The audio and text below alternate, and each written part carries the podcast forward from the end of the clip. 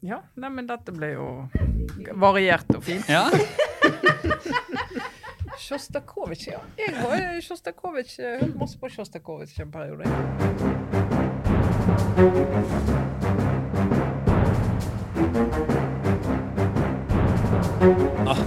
Supert. Eh, Påska er over. Det er Aftenpodden igjen. Vi er på plass. Trine Eilertsen, god dag, god dag. God dag, god dag. Kjetil Alstheim, god dag, god dag. Hallo.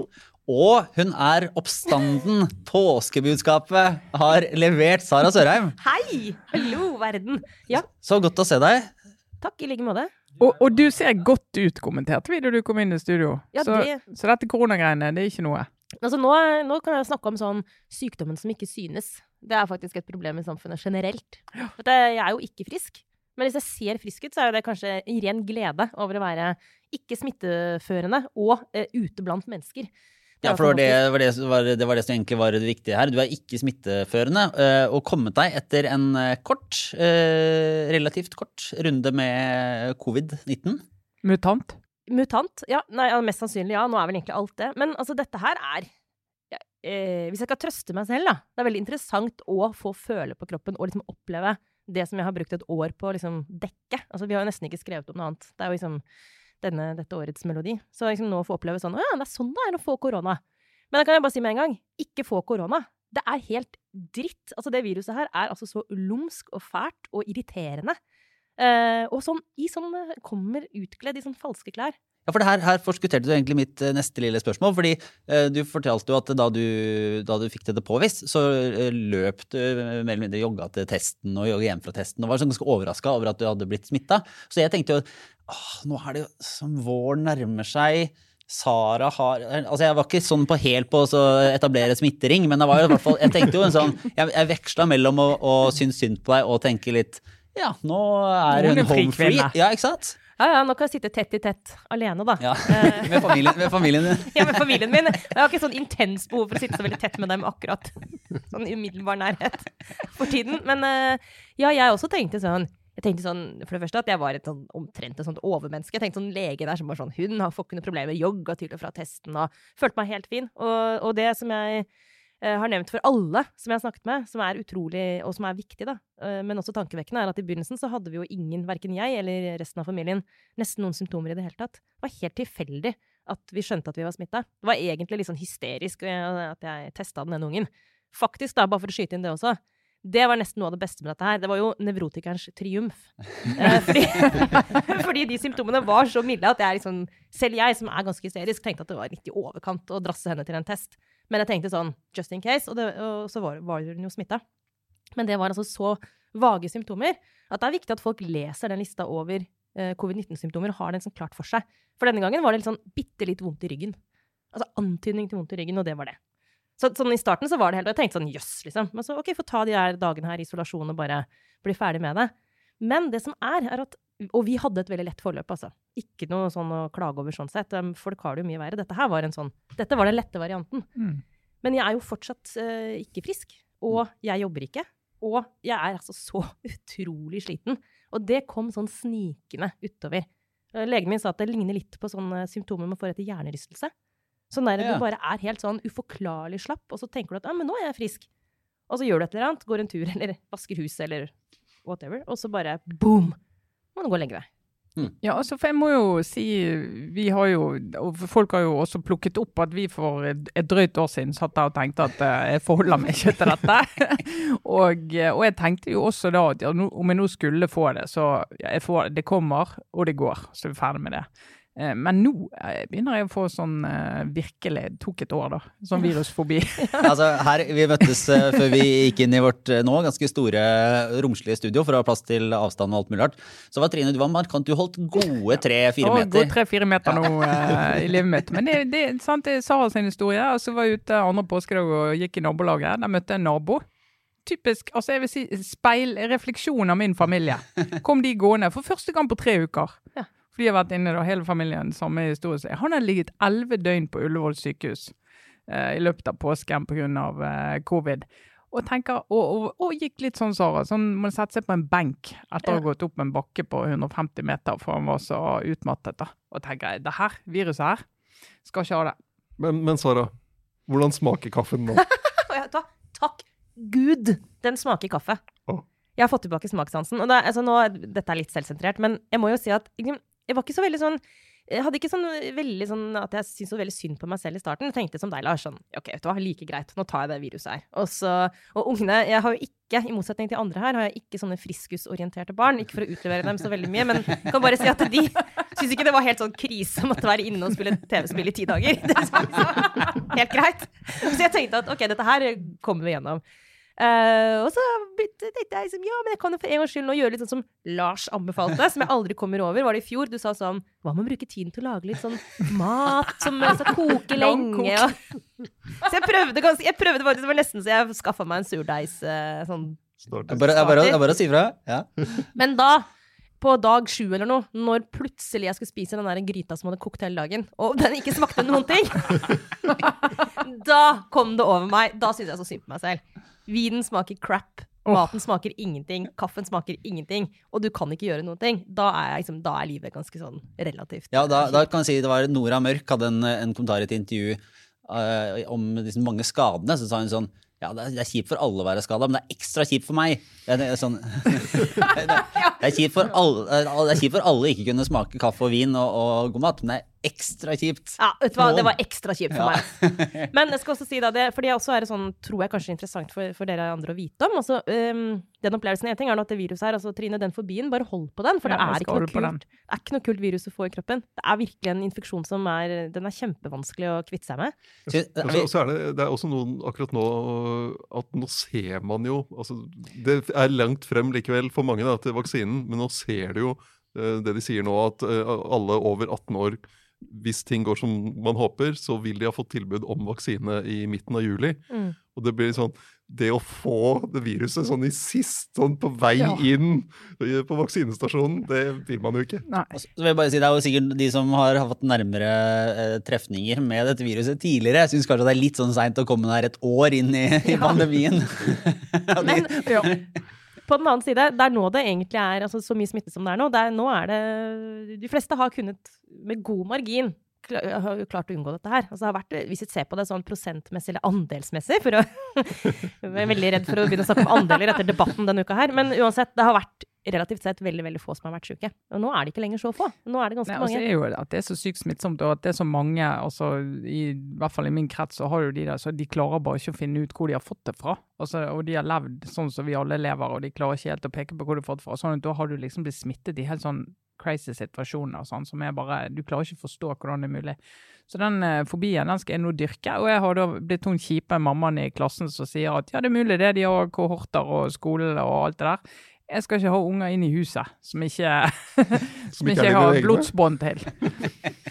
Men det vil bare legge til da, Lars, også helt sånn som en observasjon. Og så er interessant å oppleve journalistisk òg, fordi dette har vi jo skrevet masse om. Altså det apparatet som Dette TISK-apparatet, sant, med smittesporerne og alt sånn.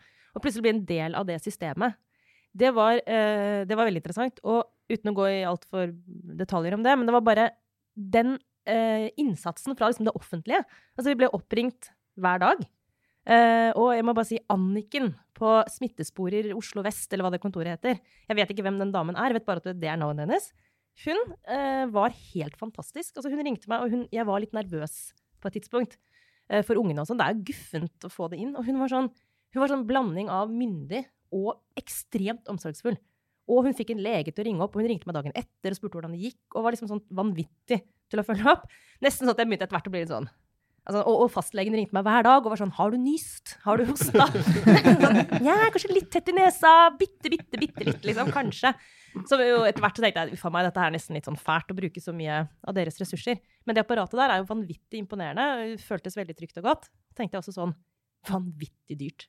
Altså hva det koster å liksom drive med den oppfølgingen.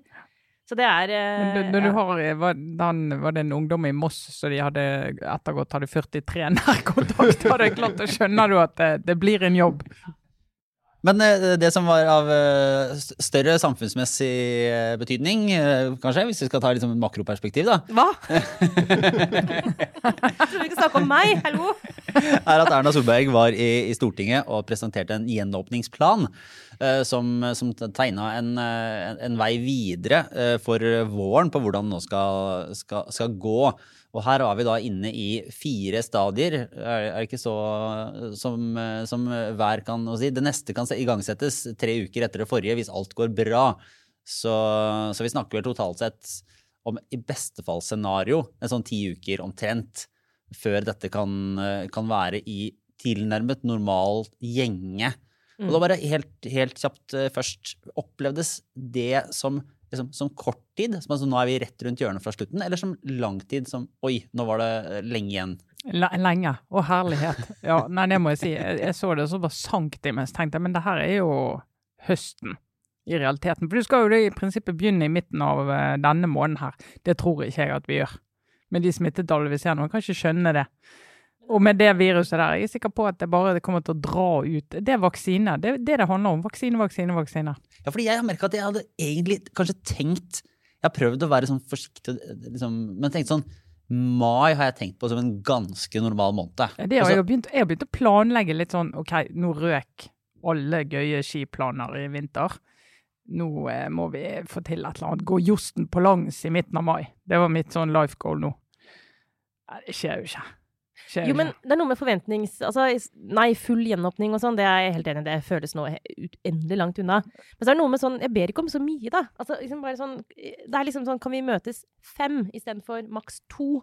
Eh, altså det er liksom, og det kan jo gå an å få til før sommeren, i hvert fall. Altså At man liksom åpner bitte litt. At det blir kanskje kanskje, kanskje vi kan ta en øl utendørs i Oslo. Tror du det? Men, men det som endret seg litt med det, det er at eh, selv om de nå skulle si at ja, du kan møte fem, så hadde de ikke møtt fem. Av karakteren til det viruset der. Ja, ja. Så jeg kommer ikke til å gjøre det før vaksine, før vaksine har truffet oss, de fleste. Men jeg tror det, det vil jo merkes sånn rundt om hvis de f.eks. letter litt på den innstrammingen de hadde på nasjonale tiltak. Så Det vil jo ikke merke det her i denne byen. Det er, vi, er jo, vi er jo her vi er. Men sånne andre deler av landet der det er lite smitte, og at de kan åpne for skjenking og, sånne ting igjen, det, det vil jo merkes for de som bor der, da.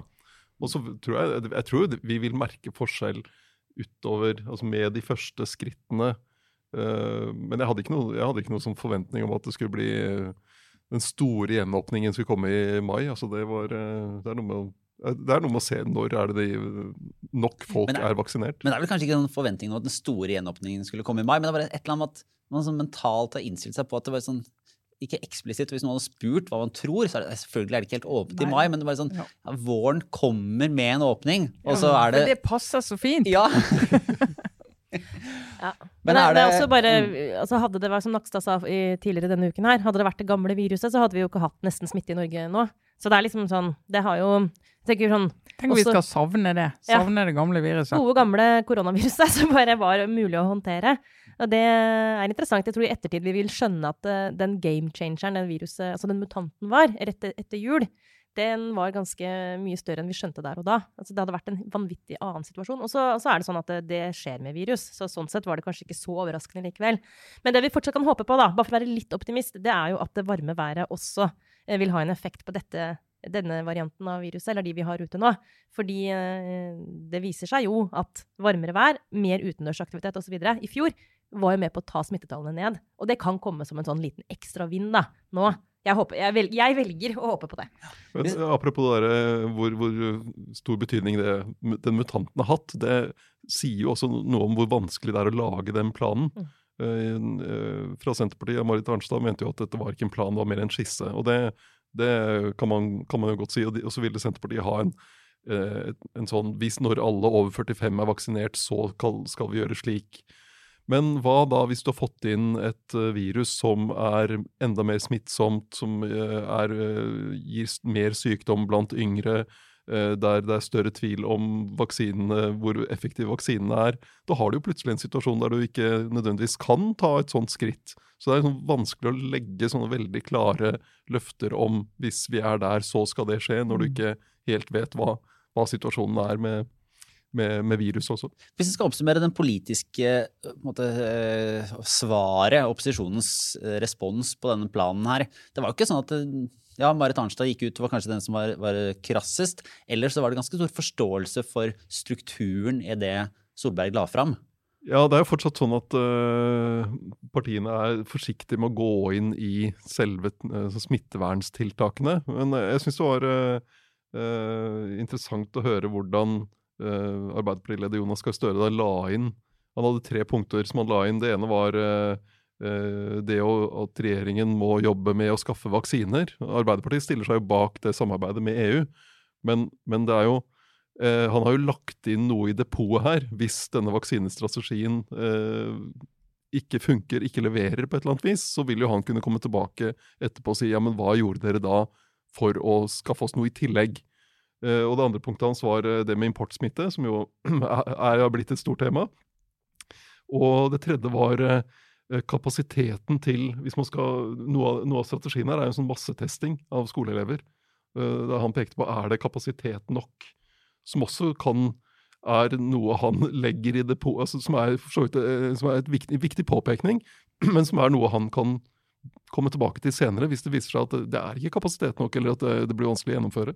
Mm. Men jeg irriterte meg sånn over det svaret fra Støre i går. Uh, så det syns jeg er interessant hvis du tenkte at ja, det var et bra svar. For jeg, jeg satt og tenkte sånn Vet du hva, dette her er en sånn klassisk felle for en opposisjonspolitiker. For jeg opplever at han, når han svarte i går etter redegjørelsen til Solberg, at han både skulle være sånn statsmannsaktig og egentlig sier veldig mye av det samme som statsministeren. Uh, egentlig veldig åpenbare ting som slår fast at dette er vanskelig og bla, bla, bla. Uh, og egentlig også støtte fullstendig. Altså, jeg fikk liksom inntrykk av at han ville gjort nøyaktig det samme som Erna Solberg hvis han hadde vært statsminister. Men så skulle han samtidig liksom være krass uh, kritiker av regjeringen. Og det, er så utrolig sånn, det, det mener jeg, Han håndterer det ganske dårlig. Han håndterer statsmannsbiten ganske bra, men han er jo ikke statsminister. Så Problem. Men når han da skal være kritisk, så opplever jeg at han liksom er eh, Eller jeg, eh, jeg opplever ikke at det er helt sånn eh, Høres ikke ut som han egentlig mener det. Mens Audun Lysbakken derimot, han syns jeg løste det mye bedre. For han var sånn Fint. Syns det var en god plan, jeg.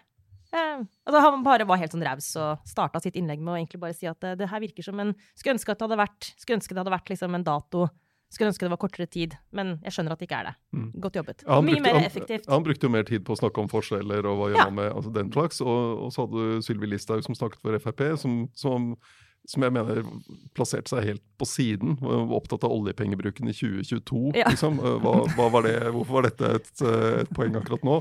Men eh, jeg, jeg tenker at det Støre greide å gjøre, var jo å vise både Eh, at han kan være statsminister i en sånn situasjon, med eh, det å for så vidt uh, akseptere premissene og slutte seg til den generelle planen, men samtidig peke på tre punkter som, som jo faktisk blir viktig for hvordan dette går fremover. Om det skal lykkes. Men, men, jeg vet ikke, det kan godt hende at det var de tre punktene, men det var litt rart, og det var jo litt preg av opposisjonens kommentarer, at det kanskje var sånne ting som i hovedsak var skrevet i forkant av redegjørelsen, og så la de på noe eget litt sånn for å, for å holde det aktuelt eh, når de først hørte hva Erna Solberg sa.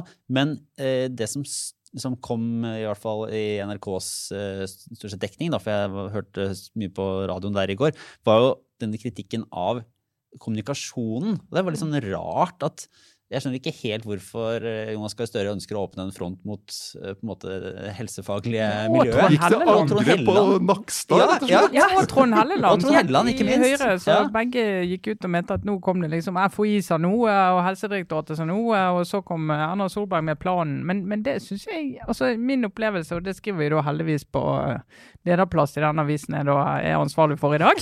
jeg er glad jeg var enig i det som sto der. Nei, men altså, Det, det syns jeg har vært en styrke med den norske koronahåndteringen. At det har vært åpenhet, og at de har kunnet snakke litt fritt, de de de forskjellige eh, delene av apparatet. Eh, og så har liksom folk skjønt, uten at det har vært veldig vanskelig, at ok, men beslutningene tar jo politikerne. Mm. Mm. Men at Nakstad sier ja, vi må ha færre enn 200 på sykehus, og vi må, Helsedirektoratet sier en måned og cirka der. og så, jeg mener, da mener jeg hvis, hvis Trond Helleland og Støre syns at det er vanskelig å forholde seg til, så tenker jeg bare gå hjem og les det en gang til. Jeg tror ja. det går bra. Men ellers så kan, eller, kan på en måte, Trond Helleland kan jo, Høyre kan jo på et vis tenke seg at uh, ok, uryddig kommunikasjon fra helsemyndighetene uh, svekker uh, beskjedene fra den politiske ledelsen, da, som er Erna Solberg. Mm. At Arbeiderpartiet ønsker å på en måte ta ansvar bort fra Erna Solberg for kommunikasjonen om dette her, Nei, det, virker litt sånn rarere. Men det er et større prinsipielt spørsmål også for Eh, politikere som ikke er i posisjon. For det handler jo om Stortinget, som jo Altså Stortingets makt, ikke sant? Og at, den, at, det, at, det, er viktig for, ikke bare for regjeringen, men også for det skjønner jeg, for Støre å markere at det er fortsatt sånn at de avgjørelsene skal ligge eh, i det politiske Norge. og ikke i eh, byråkratiet. Eh, og, og Listhaug også var jo faktisk kritisk til, eh, til akkurat helsebyråkratenes utspill. Så det var, jo, det var jo faktisk helt sånn samlet. Det var det mest samstemte av alt i går, var jo den kritikken. Um, og jeg syns den er egentlig ganske kul at kommer. Ikke fordi at jeg syns det var noe galt det som Stoltenberg og Nakstad og Gullvåg har sagt. Jeg syns det er helt strålende at de er så åpne som de kan, jeg. Og Aavitsland også. Men, men, det er jo et viktig prinsipp at det er faktisk ikke de som uh, tar den avgjørelsen. Det har vi snakket om før i poden også. Det for en grunn. Altså, det, du må ha et totalblikk på det for å kunne ta sånne avgjørelser. Mm. Men det, det, er jo det at du har da, Noen var opptatt av at det kom to forskjellige uttalelser fra folk i FHI om vaksinepass, for og imot. Eh, men det de, de uttalelsene bidro til, var jo å få frem hva er de etiske dilemmaene her, mm. hva, hva, er argumentene for og imot. Og at du får den, en bevisstgjøring i, i, samfunnet, og du får en bedre debatt av det. Og så til slutt skal det jo tas en uh, beslutning, og da har du jo et bedre grunnlag for å for å forstå den, for å forstå hvilke avveininger er det man må gjøre, og hva, hva er dilemmaene her. En god parallell til den diskusjonen om vaksinestrategi. Sant? Hvordan skal du fordele vaksinene, og FHI kom inn med, med, sin anbefaling. Der det var etiske dilemmaer, og ikke helt sånn åpenbart at det ene var riktig eller det ene var galt. Men da får du den diskusjonen og vektingen. da. Og det er jo viktig med den eh, vaksinepassdiskusjonen òg. Mm. Ja, fordi det, jo, det, tegner seg som en av de sånn konkrete diskusjonene som kommer til å være. Innføringen av et vaksinepass. Nå er det vel ingen som egentlig har tegna opp en, et sånn veldig tydelig system for hvordan det skal eller kan se ut. Og, og beskjeden fra Erna Solberg er at de skal knytte det tett på det som gjøres i EU, og at det skal knyttes tett på det som skal gjøres i resten av verden. Her vil jeg bare si at Det er utrolig viktig også at det er de som har gjennomgått infeksjon ja, ja. Men det, det, det, kan få tatovering i pannen. Ja, og, og, her kan vi jo få en veldig interessant situasjon i denne lille kohorten. Ja vel? Ja, ikke sant? Fordi, uh, Fordi jeg er overmenneske? Nei, for det var snakk om uh, at uh, Det var også fra FHI en uttalelse om at kanskje når man har vaksinert alle over 45, så må man flytte vaksineringen ned til de under 30 30, fordi smitten brer seg mest der. Lars. Så da kan vi få Når Trine og jeg er vaksinert, og Sara er, er ferdig vært gjennom sykdommen, så er det Lars, Lars som sitter igjen. Sitter han hjemme på Ekeberg og hyser. Oh, Den evige, altså Det er liksom Løkka-Lars sin endelige død. Det er bare, åh, For en utrolig trist skjebne. Jeg må innrømme at jeg har prøvd å være veldig solidarisk på den vaksinefordelinga eh, hele veien. Og tenkt sånn ja, men jeg, det er fint, jeg er sunn og frisk og, og, og kan det er naturlig at jeg havner langt bak i den der. Men det er én ting liksom nå på oppløpssida skal dytte meg enda et hakk. det tenkte jeg faktisk på i og med at jeg også, bare så det er sagt høyt og tydelig, er under 45 år. Så må jeg innrømme at jeg også var innom det da jeg ble sjuk. Nå tenkte jeg sånn, ok, men alltids noe. Fordi at eh, jeg er jo ganske mye nærmere 45 enn deg, Lars. Det er ganske sånn bittert å bli liksom det er, på en måte den forrest i køen som blir dytta helt bakerst. Ja. Eh, støtter det selvfølgelig. Eh, Fullhjerta. Jeg syns egentlig lærere og barn og ungdommer burde få vaksine aller først. Egentlig faktisk helt ekte. Men sånn emosjonelt så den der har vært litt tøff å svelge. Altså. Det blir hyggelig når dere skal ha sånn uh, seminar på, på, på, pub i Du er inne på video. Og jeg er inne på video. men, men, ta, men altså helt, helt, reelt, da. Hva mener dere? Altså, det, hvor står dere i den store diskusjonen? Er det sånn at vi, de som har fått vaksine, bør få lov til å leve et normalt liv, og vi andre må vente? Eller er det sånn ingen skal få lov før alle får lov? Hvor står dere hen i den der, liksom? For det er jo en, reell, det er jo en helt reell diskusjon. Jeg mener absolutt at eh, de, de altså, Spørsmålet er jo hva, hva du skal tillate. Jeg mm. mener absolutt at du bør gi eh, tillatelse til at de som, de som, er vaksinert eller har antistoffer, kan gjøre ting som andre ikke kan gjøre. For å få åpne opp kulturlivet, f.eks. Ja. Eh, åpne opp restauranter, uteliv. Og, og, rett og slett ut fra krav om at tiltakene skal være forholdsmessig. Du kan ikke holde folk i en helt sånn unntakstilstand for, av hensyn til følelsene til de som ikke er vaksinert?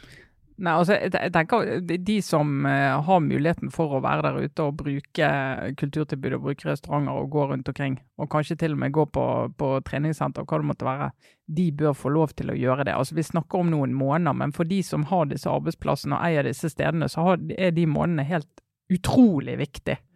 Eh, og at de skal få muligheten til å komme i gang igjen. Da. Og den der, eh, sånn, ja, men Det vil være veldig rart hvis vi skal dele opp befolkningen og noen skal eh, vi skal ha et A-lag som får lov å leve et gøyt liv, mens vi har et B-lag som ikke får det. Ok, Men dette er i hvert fall ganske rettferdig fordelt. Altså ut fra en sånn, Det handler om ganske sånn objektive kriterier. Det handler om alder, det handler ikke om liksom om du bor der, om du tjener så mye, om du altså disse her andre størrelsene som er urettferdige.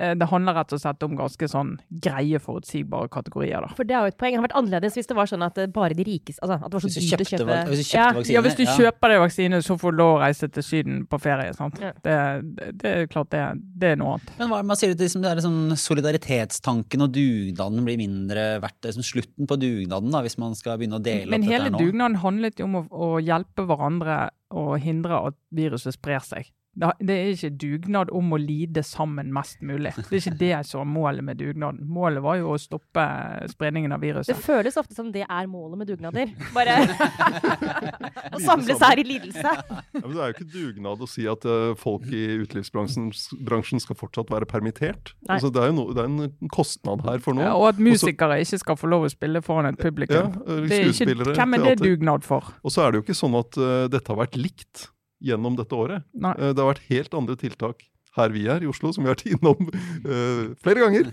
enn i andre deler av landet. Og det har vært helt riktig. For det har vært eh, forskjellig smittesituasjon. Det er ikke Ja, sånn at vi har vært et A- og B-lag av den grunn. Nei, og vi har, altså inne her som vi sitter nå, vi har yrker som gjør at vi har kunnet utøve yrket vårt 100% tid og 100% lønn, og har ikke vært i nærheten av Nav hele året. Eh, fordi vi har den type yrker. Det er jo ikke rettferdig hvis du skal se at andre typer yrker de må bare legge ned virksomheten sin og få eh, under, nesten ned i halvparten av inntekten sin. Sånn at det har vært veldig urettferdig i det året der, men hvis du da kan si at noen av de yrkene som har på å si, lidd mest i det året som var nå, kan få begynne så vidt å komme i gang igjen, så kan ikke du sitte de at nei, men vet du hva, vi har en interesse av å lide sammen, så, så vent litt til. Men dette kommer til å være vanskelig for f.eks. Arbeiderpartiet. Uh, Ingvild Kjerkol, helsepolitisk talsperson, var ute og sa det motsatte. ikke sant? Nå denne uka her. At eh, nei, nei, nei, nei, vi kan ikke drive og lage, vi kan ikke drive og åpne for noen A- og B-lag. Og hennes argumentasjon var jo det, Lars, at det her kan undergrave den generelle liksom, villigheten til å være med, altså oppslutningen rundt vaksiner og liksom Ja, litt sånn der, den generelle dugnadsånden, da. Det at du skal gjøre forskjell på folk. Uh, og jeg, jeg skjønner på en måte at det er Jeg skjønner hvorfor, hvorfor det kommer, og at det går an å mene det. Men jeg ser liksom at det, det blir en sånn Selv de beste intensjoner uh, slår da utrolig feil ut, fordi nettopp som dere har beskrevet nå. Men liksom om, om det blir Arbeiderpartiets posisjon gjennom hele denne våren, at ingen skal få slippe opp før alle kan, alle kan være med Alle det, skal med. det er en krevende det, Og det irriterer meg også, egentlig, at Men- ikke de klarer å se at Mm. liksom, du må være pragmatisk. Men her er, her er åpenbart øh, vi er ganske enige, da. Men Ja. altså, hvis, vi skal se, har vi, liksom, hva er det beste argumentet for de som faktisk mener at dette er en dårlig idé? Da har vi jo Ja, det, er, altså, det, er grenser, det er jo grenser her. Altså, For eksempel, eh, du kan jo ikke bruke det til å nekte folk å gå på apoteket. Altså, du kan ikke kreve vaksinepass for å gå og handle mat. Du kan ikke kreve vaksinepass for å ta kollektivtransport. eh, Så finnes, eller, og så kommer du inn i arbeidslivet. da. Eh, Det er jo problematisk hvis du krever vaksinepass for å kunne jobbe. Da begynner du å nærme deg en, eh, en tvang. Altså at vaksinen ikke er frivillig lenger. Og det er jo et viktig prinsipp, at vaksinering skal være frivillig. Men- så det, det, det finnes jo noen grenser her for hva du kan bruke det til. Men akkurat der merker jeg jo, altså jeg følger deg, men akkurat den der, eh, jeg så jo i Israel er jo det en stor diskusjon, for der er de jo så å si ferdig vaksinert. Men da har du jo en del som ikke vil vak ta vaksine, og de finnes jo. Eh, og, og han ene eh, som, lurer på om vi hadde en, en, rett og slett en sak om det, som sa det at han fikk ikke jobbe nå, fordi at han ikke hadde vaksinepass. Så han ble, han bare sa, vet du vi kan ikke bruke deg, uh, for du har ikke vaksinert deg. Og han er imot vaksine. Uh, Og da kjenner jeg ja, jo, det skal jo være fli, frivillig, men jeg, jeg er jo så skeptisk til at du bare liksom skal kunne melde deg ut av samfunnet og det kollektivet som en vaksinert befolkning er. Og bare si nei, vet du, jeg er litt sånn jeg er litt skeptisk til vaksiner, skeptisk til vitenskapen. Jeg, jeg, tror, jeg, jeg tror liksom på helt andre ting, til dels konspirasjonsteoretiske eh, te, teorier om hvordan dette henger sammen. Eh, Så jeg tar ikke den belastningen. For det er jo også en belastning å ta en vaksine. sant? Jeg har en nærme nå som ble vaksinert og lå lå elendig hele går med sånn bivirkninger og tenkte ja ja.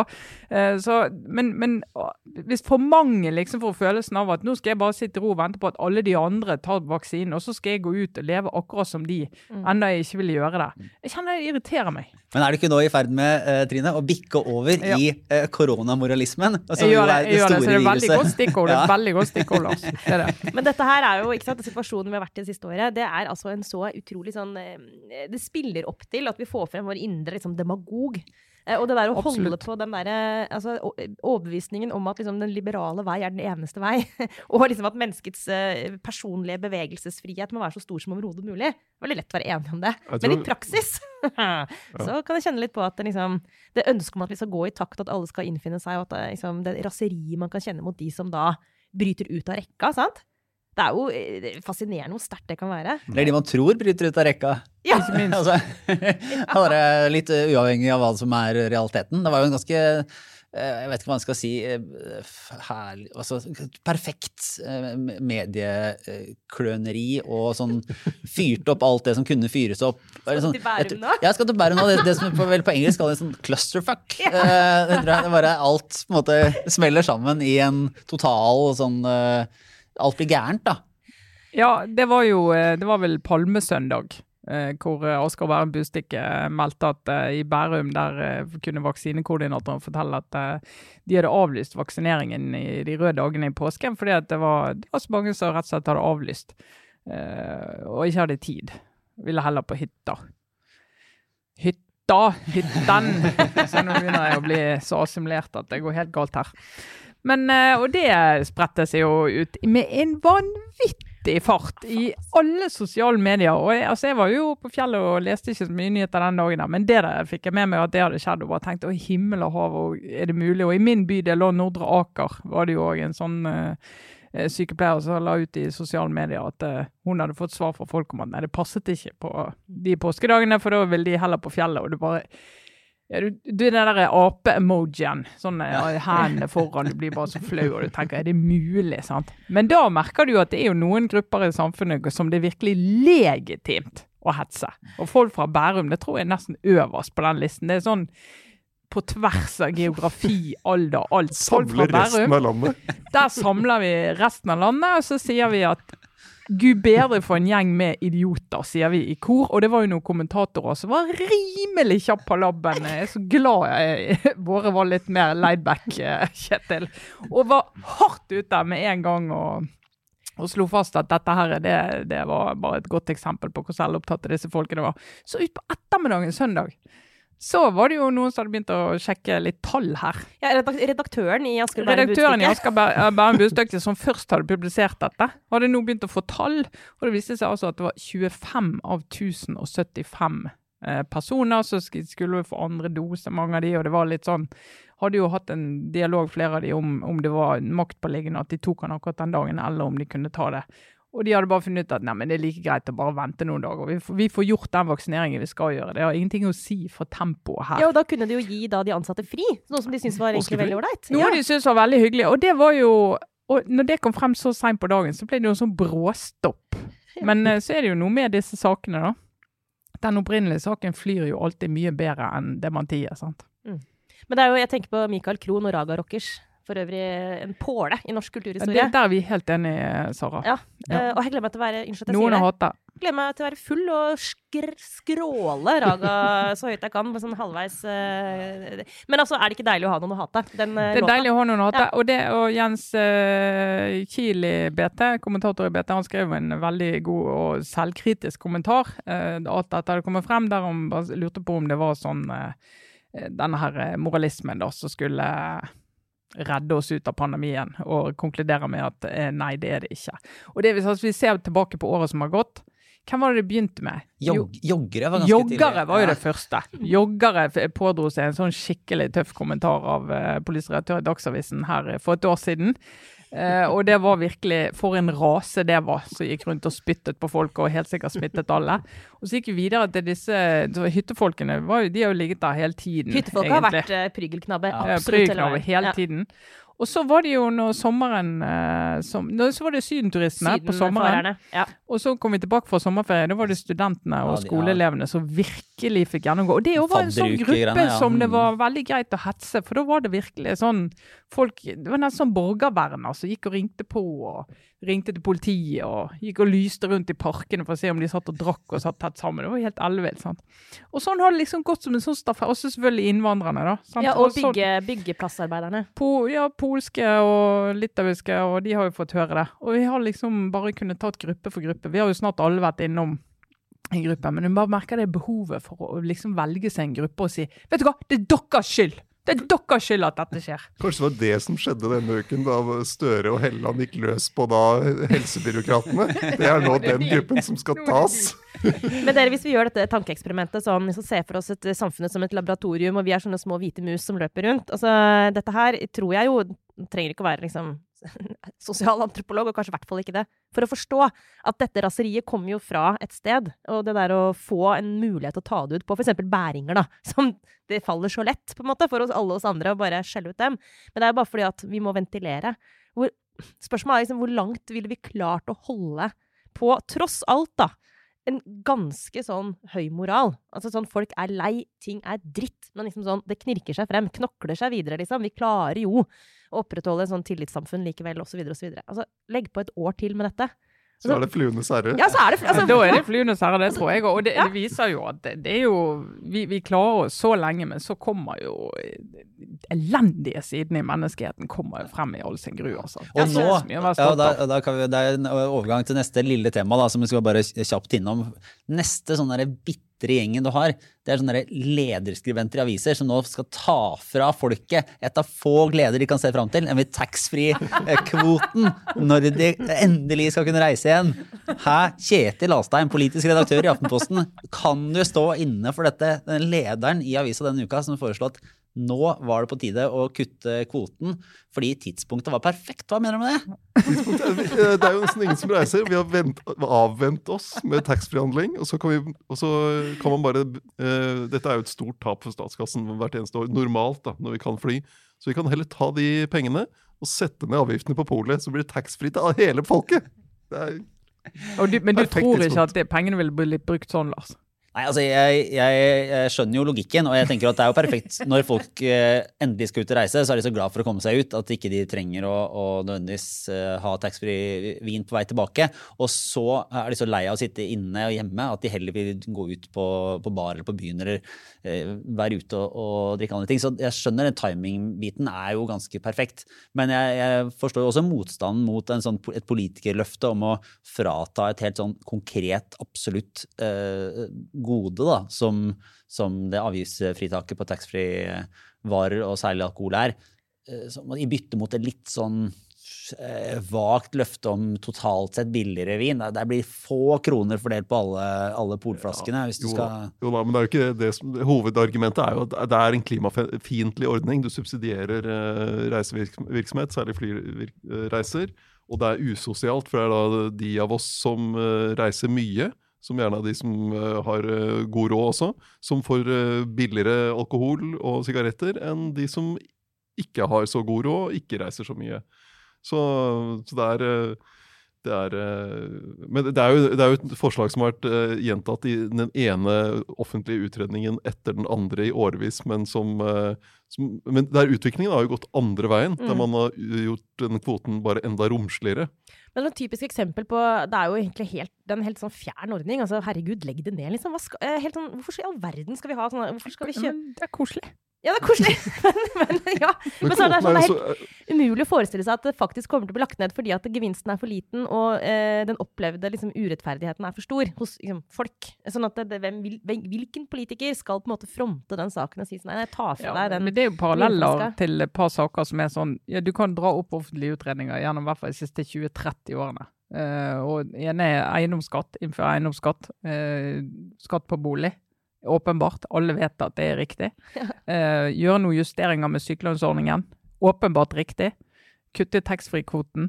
Åpenbart riktig. hvis du ser liksom hele, altså, På alt det der så kan du gå inn på sånne enkeltelementer og se at det får en uheldig effekt der. Men hvis du liksom regner totalen, så ser du at det er positive effekter. Men det er bare politisk, ikke det går ikke an å bære det politisk. Det er ingen som orker. og du tenker, det er litt sånn, eh, Hvis du hører denne den fantastiske Obama-boken, som jeg eh, da har hørt nå ferdig 29 timer og 5 minutter, da forteller han om alle de sakene som du står og tenker ok, skal vi gå til Kongressen med dette? Er det verdt å bruke politisk kapital på dette? Er det viktig nok. Til å mm. gjøre det, eller har vi råd til å holde på med dette en stund til? Vet du, Vi legger det vekk, og så tar vi en annen sak. Og Sånn tror jeg mange partier har det. Hvis du skal ta sånn, gå inn i en stortingsperiode eller inn i en regjeringsperiode, så har du sånn topp tre. Hva er det viktigste som skal stå igjen av oss etter oss når dette er over? Så disse sakene her, de, eh, det koster for mye. Jeg tenker Hvis du først skal gjøre noe upopulært, noe virkelig, noe som gjør at du faktisk helt reelt risikerer å miste velgere, så er det bedre tross alt å gjøre noe for miljøet, eh, på en måte. Altså, som jo også er en sånn type kategori innenfor politikken hvor det er åpenbart riktig å ha en, eh, en klima- og miljøpolitikk som eh, prøver å holde katastrofen litt lenger unna. Men det er vanskelig praksis å gjennomføre, ofte fordi det er veldig upopulært her og nå.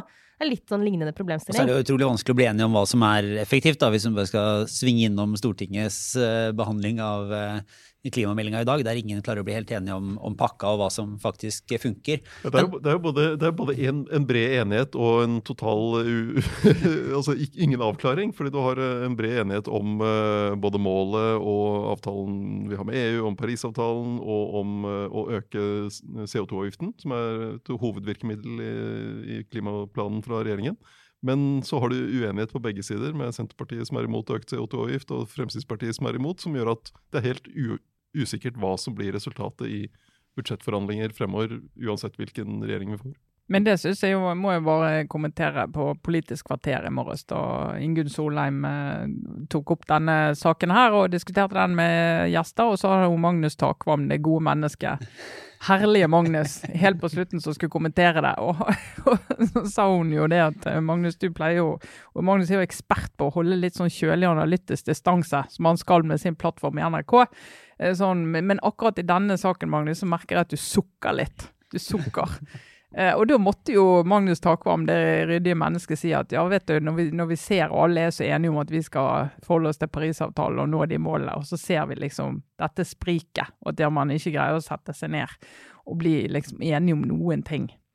Nei, da, da ble han oppgitt, uten at han gikk veldig langt inn i hva tiltak han Men CO2-avgift var jo et stikkord her, da. Men det merker jeg at hvis Magnus Takvam liksom gir opp, da blir jeg helt desperat. Altså, jeg blir, for jeg er så trygg på at han bare finner, holder liksom på en eller annen måte en slags sånn kontroll. Så liksom, jeg tenker sånn, Vi har alltid Magnus Takvam å falle tilbake på hvis verden føles uryddig og vanskelig. For han kan liksom bare forklare det. Hvis han på en måte blir sånn Nei, jeg kaster korta. Ja, det, var litt, det var Frp og Senterpartiet vel var de partiene som ble nevnt spesielt, også da.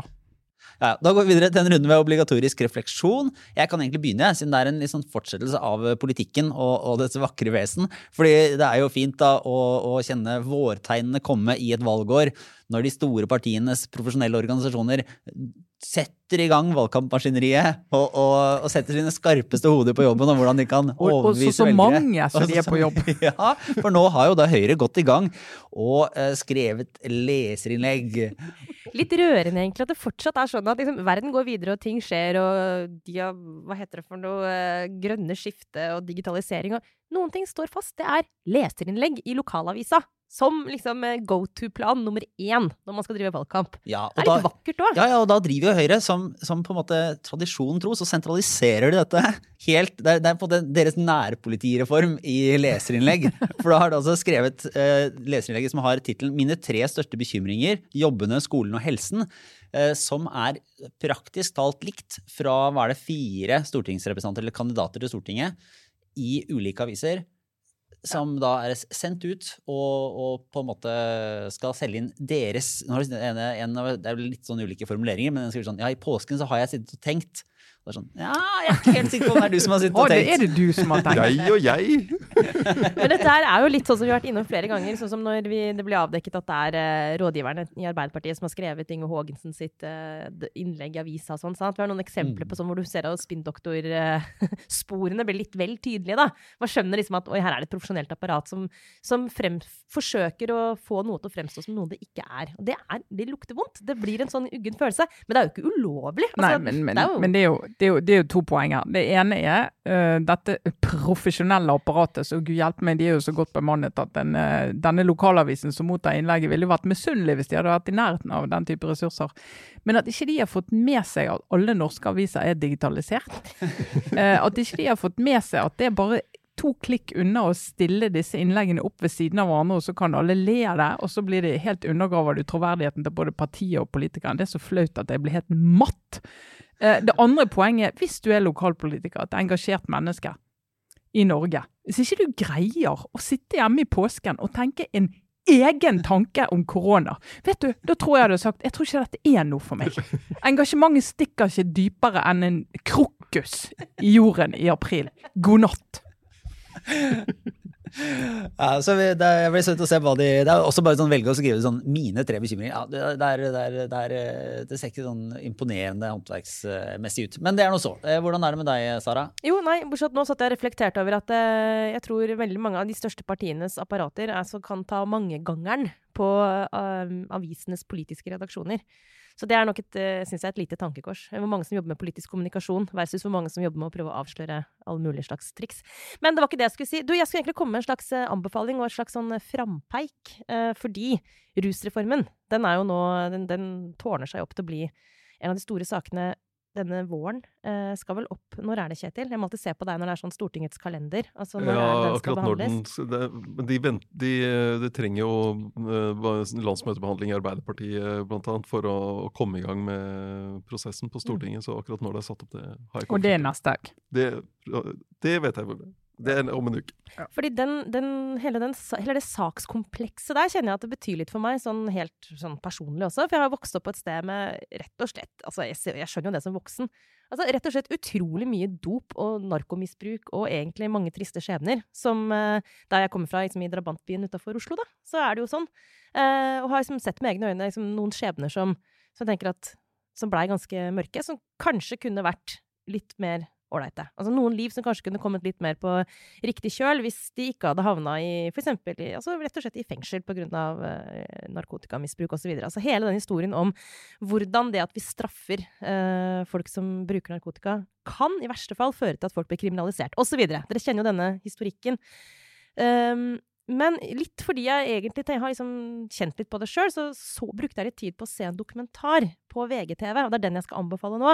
Og frampeiket er at jeg tror og håper at vi kan snakke mer om denne, rett og slett hele dette forslaget til ny eh, rusreform, kanskje neste uke.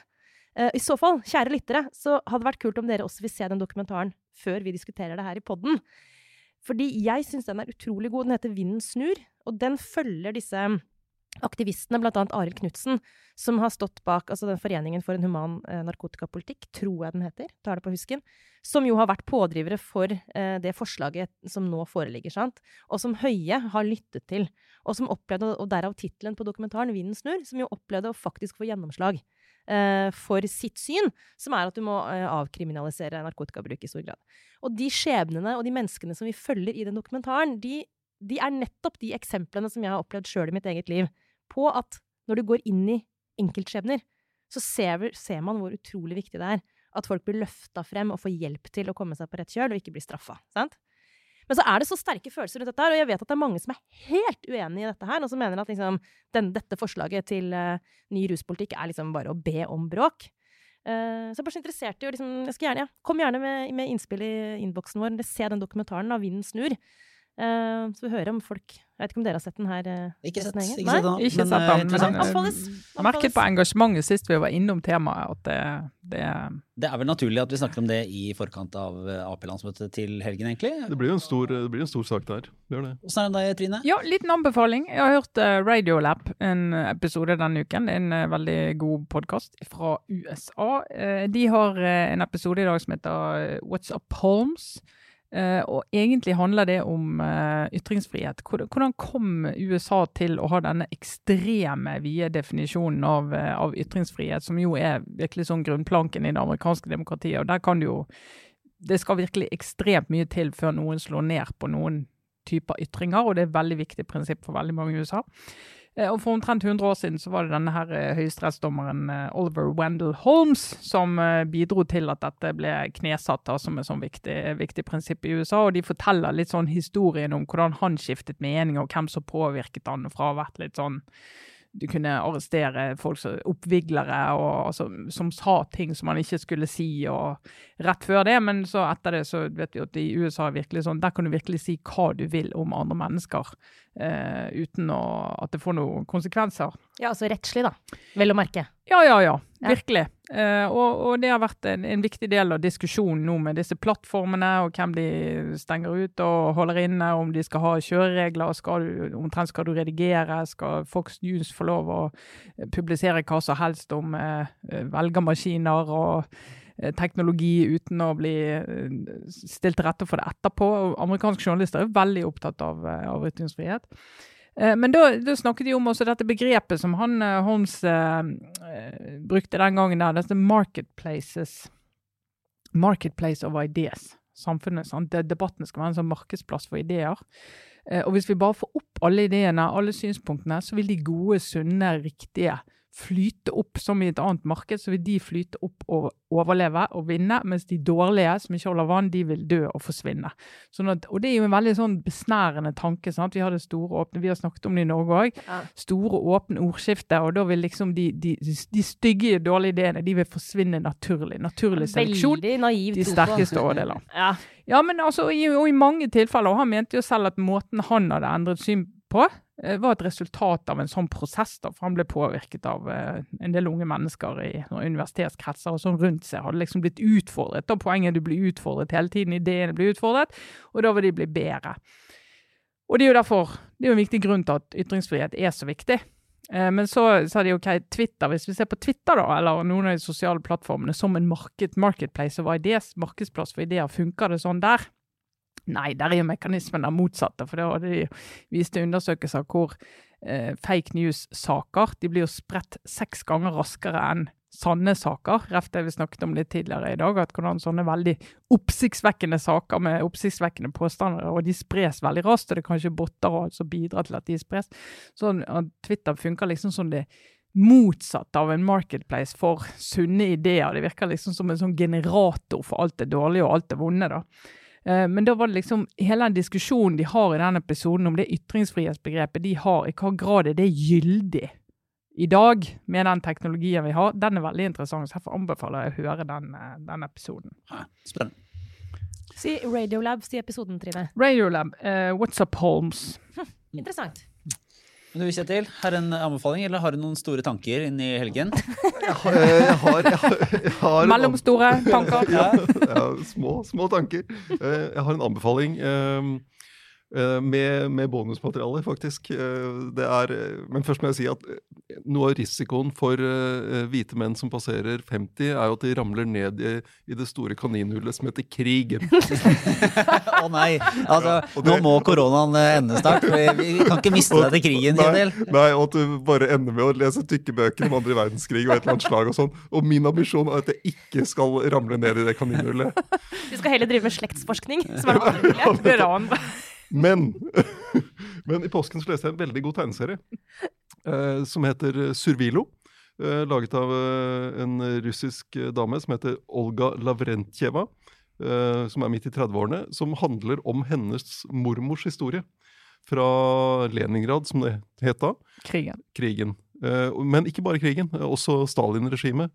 Hun vokste opp Faren hennes til denne mormoren da, kom fra Polen. Og ble da, rett før krigen, slutten av 30-tallet, så ble han plutselig tatt av eh, Stalins eh, politi. Anklaget for eh, å være polsk spion. Og familien fikk ikke vite noe om, om hva som skjedde med ham.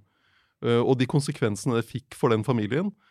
Og så kommer da Hitler-Tysklands beleiring av Leningrad fra september 1941 til januar 1944, som var en forferdelig situasjon, og der hun skildrer det fra da denne mormorens perspektiv. Det er ikke noe ute ved fronten eller uh, masse våpen og soldater og sånt. Det er hennes, uh, hennes uh, hverdag som da hun var, jobbet som sykepleier på et, et, sykehus i den situasjonen. Og også tiden etterpå, som er, gir et sånn veldig nært blikk på krigens konsekvenser, og, og også det totalitære regimets konsekvenser. Interessant ståsted da, for den historien, som jo er fortalt en rekke ganger. Er jo veldig ofte fortalt fra generalens ståsted, eller fra soldaten, fra skyttergraven. Mm. Men ikke så veldig ofte fra liksom, en, en kvinne som jobber i et mykt yrke Ja. eh, langt borte fra fronten. Mm. Høres jo faktisk helt ganske interessant ut. Rett og slett. Og, men da jeg leste den i, i, i påsken, så eh, gikk jeg da dypere inn. Og det er jo farlig, selvfølgelig. Men uh, i historien om Dmitrij Sjostakovitsj, Altså, komponisten videre. som, som jo også var i Leningrad under denne beleiringen og prøvde å verve seg til, til fronten, men hadde for dårlig syn, eller noe sånt, så han fikk beskjed om å skrive en symfoni isteden. Uh, for å holde liksom, oppe moralen, og skrev jo da sin syvende symfoni. Han ble ikke ferdig i Leningrad, han måtte smugles ut og gjorde den ferdig i Moskva. Eh, og, og det, jeg kom over to podkaster som forteller historien om hvordan da, når den var ferdig i Moskva, hvordan den ble smuglet på mikrofilm fra Moskva via Iran til USA og oppført på radio fra New York for å formidle hvordan det russiske folket hadde det.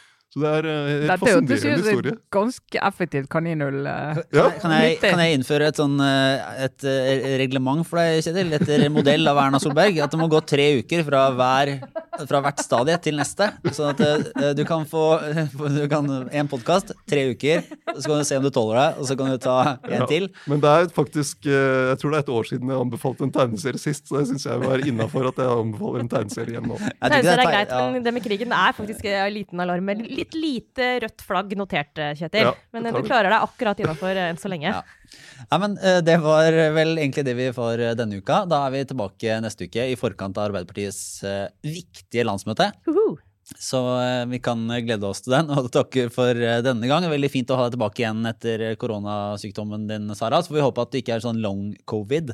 Hvis folk blir veldig bekymra for liksom, at det var litt sånn dra dramatisk eh, Nei, oppdatering. men da kan jeg avslutte med å si det er ingen grunn til å tro det. Eh, Det er veldig veldig få faktisk eh, som får eh, plager som varer så lenge, selv om det er, er en god del. Sier noe om alvorligheten her. Men tingen er at det, sannsynligvis så blir man frisk igjen, men man må bare ta det på alvor og skjønne at det ikke er en forkjølelse og ikke er en liten influensa, men en infeksjon som trenger litt tid på å liksom, komme seg. Så det sånn der, nok bare for å avslutte der jeg starta, med den derre sånn Det er liksom Det er litt alvor. Det er ikke bare en liten sånn snue. Så det er greit å bare Ja, minne hverandre om. Da må jeg oppfordre test deg heller en gang for mye enn en gang for lite. Ja, og hvis du er i tvil om du kan ha det, så liksom ikke nøl. Så gå, gå og test deg. Hvis du må stå i kø, så kan du høre på denne ukens episode av Aftenpodden USA, der Øystein Langberg og Kristina Pletten eh, snakker om eh, infrastruktur i USA. Den er så god, den Ja. episoden. Den må jeg bare anbefale. altså. Som er veldig, veldig spennende, fordi det jo er et, eh, et stort politisk tema og et sånn et forunderlig eh, manglende vedlikehold i, i et så stort, eh, rikt land.